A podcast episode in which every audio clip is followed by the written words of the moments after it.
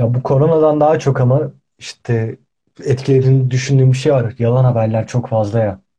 Çok Aha. fazla spekülasyon yapılıyor. İşte bir bakıyorsun oradan biri ilacı buldu diyor. Biri ilacı bulmadık aslında diyor. Biri aşıyı bulduk ama işte sadece bizim ülkemizde geçerli olacak diyor. İşte Oradan biri orada de ne diyor ki kadar üçüncü aşamaya geldi virüs. Artık hepimiz zombi olacağız falan filan. Diyorlar. Diyorlar da diyorlar. E, orada şöyle yani gerçek bilginin peşinde olmak lazım. Gerçek bilgi şöyle tabii bu artık Aristo'ya falan gidecek gerçek bilgiden bahsetmiyorum. Şundan en azından ölçülebilir ve anlaşılabilir gerçek bilgiden. Günümüzde ve bu konuyla alakalı olandan bahsediyorum. E, makale okunursa çünkü makalenin yayınlanma süreci hem uzun hem de çok fazla filtreden geçiyor. Hı hı. Yani bu bir psikoloji makalesi de olsa böyle, tıp makalesi de olsa böyle. Ee, o yüzden ciddi yayınları okurlarsa ve hani bu konuda illa güncel bir şey okumak zorunda da değiller. Hem pandemiler üzerinde okuyabilirler hem de e, başka etkenler üzerine de gerçekten yani Twitter haberiyle yola çıkarsan ya da Twitter tweetiyle yola çıkarsan neler oldu yani? Yani Orada, neler oldu bu ülkede, bu dünyada, neler olacak? Orada çok başka motivasyonları var insanların oraya bir şey yazarken. O yüzden ciddi kaynaklardan haber alırsa insanlar e, hem daha az panik olurlar hem de daha farkında olurlar. Bunun çözümü ki biz bunu yani. ya bu yalan haberlerle iyi mücadele edebildiğimizi düşünüyorum. Ya böyle platformlarımız çok fazla artık. Teytork Evet. gibi Ha, sistemler de kuruldu. Ya Bilmiyorum ben Twitter'a hiç girmeyerek ignorance'ı bir istiyorum ama yani Twitter'ın ignorance'ı Twitter cehaletini ne kadar gerçek cehalet sayabiliriz bilmiyorum ama ben memnunum Twitter'dan uzak durmaktan. Ya Teytork şey bir sistem. Atıyorum WhatsApp'tan da işte Instagram'dan da televizyondan da sürekli bir haber akışı alıyoruz ya. İs- Aha, İstemesek de alıyoruz bunları. Ya bunlardan kaçı doğru, kaçı yanlış? İnsan her zaman araştıramayabiliyor. Kimi zaman da inanmak istiyor bu haberlere. E, Teytork bunu sağlıyor. hmm. Sana bir panel açıyor. İşte o panelde bu bilgi yanlış, bu bilgi doğru. Bu bilgi yanlış, bu bilgi doğru diye. Kendi teyit sistemlerine göre öğretiyorlar, ya gösteriyorlar. o da tabii Bu sistemi de herhalde. öğretiyorlar.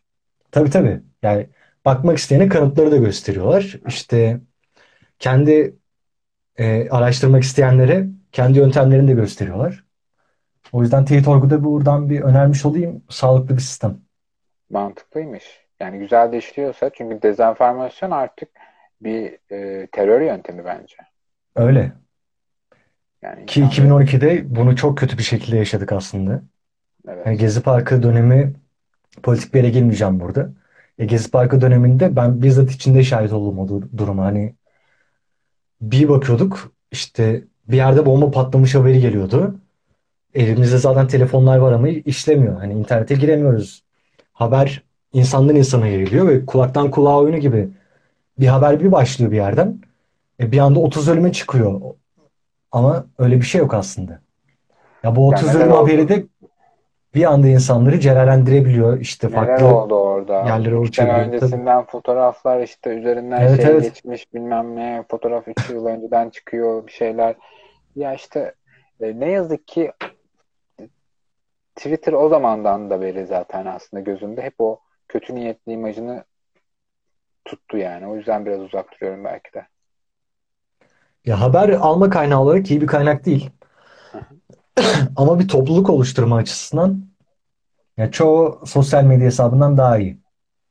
Hani sesini daha rahat duyurabiliyorsun Twitter'dan.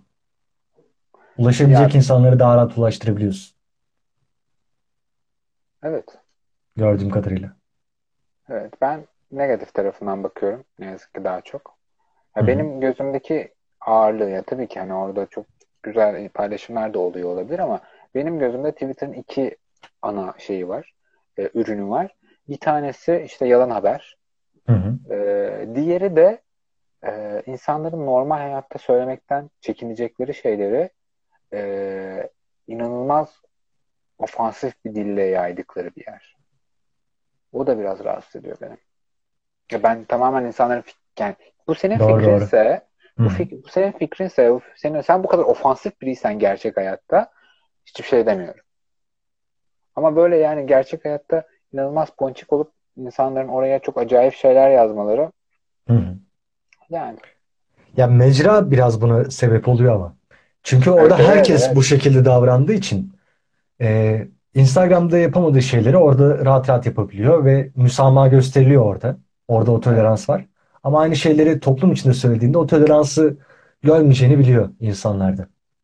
bir de onun bu, bunlar iki ana etken. Bir de Hı negatif etkenlerden biri de aslında birazcık oradaki pesimist hava. Bu da beni biraz boğuyor. Bu da biraz beni boğuyor. Bu Sen melankoliye hiç gelemiyorsun. Ben hiç gelemiyorum. Ya ben işte ama bak geçen yayının bir önceki yayının başında söylediğim bir şey vardı ya hayatta zaten sıkıldığımız zaten üzüldüğümüz anlar var oluyor yani bundan bir yere kadar kaçabiliyorsun. Çoğunda da kaçamıyorsun. Bazında bazı şeyleri yaşaman gerekiyor. Böyleyken e, ben orada bir bir suni bir acı yaratılmasından hiç keyif almıyorum. Ya da senin yaşadığın aslında şurada halledip bitireceğin bir acıyı böyle ortalığa saçarak her yerimize acı yapmana hoş bakamıyorum.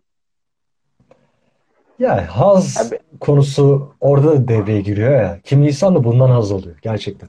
Ya bu kötü niyetle yaptığı bir durum da olmuyor Yok çoğu kötü zaman. niyet değil. Kötü niyet değil. Hakikaten kendini bu şekilde ifade etmekten hoşlanıyor. Hı. Ben hoşlanmıyorum işte. Ben mutlu olmaktan, mutluluktan, güzel şeylerden konuşmaktan keyif alıyorum.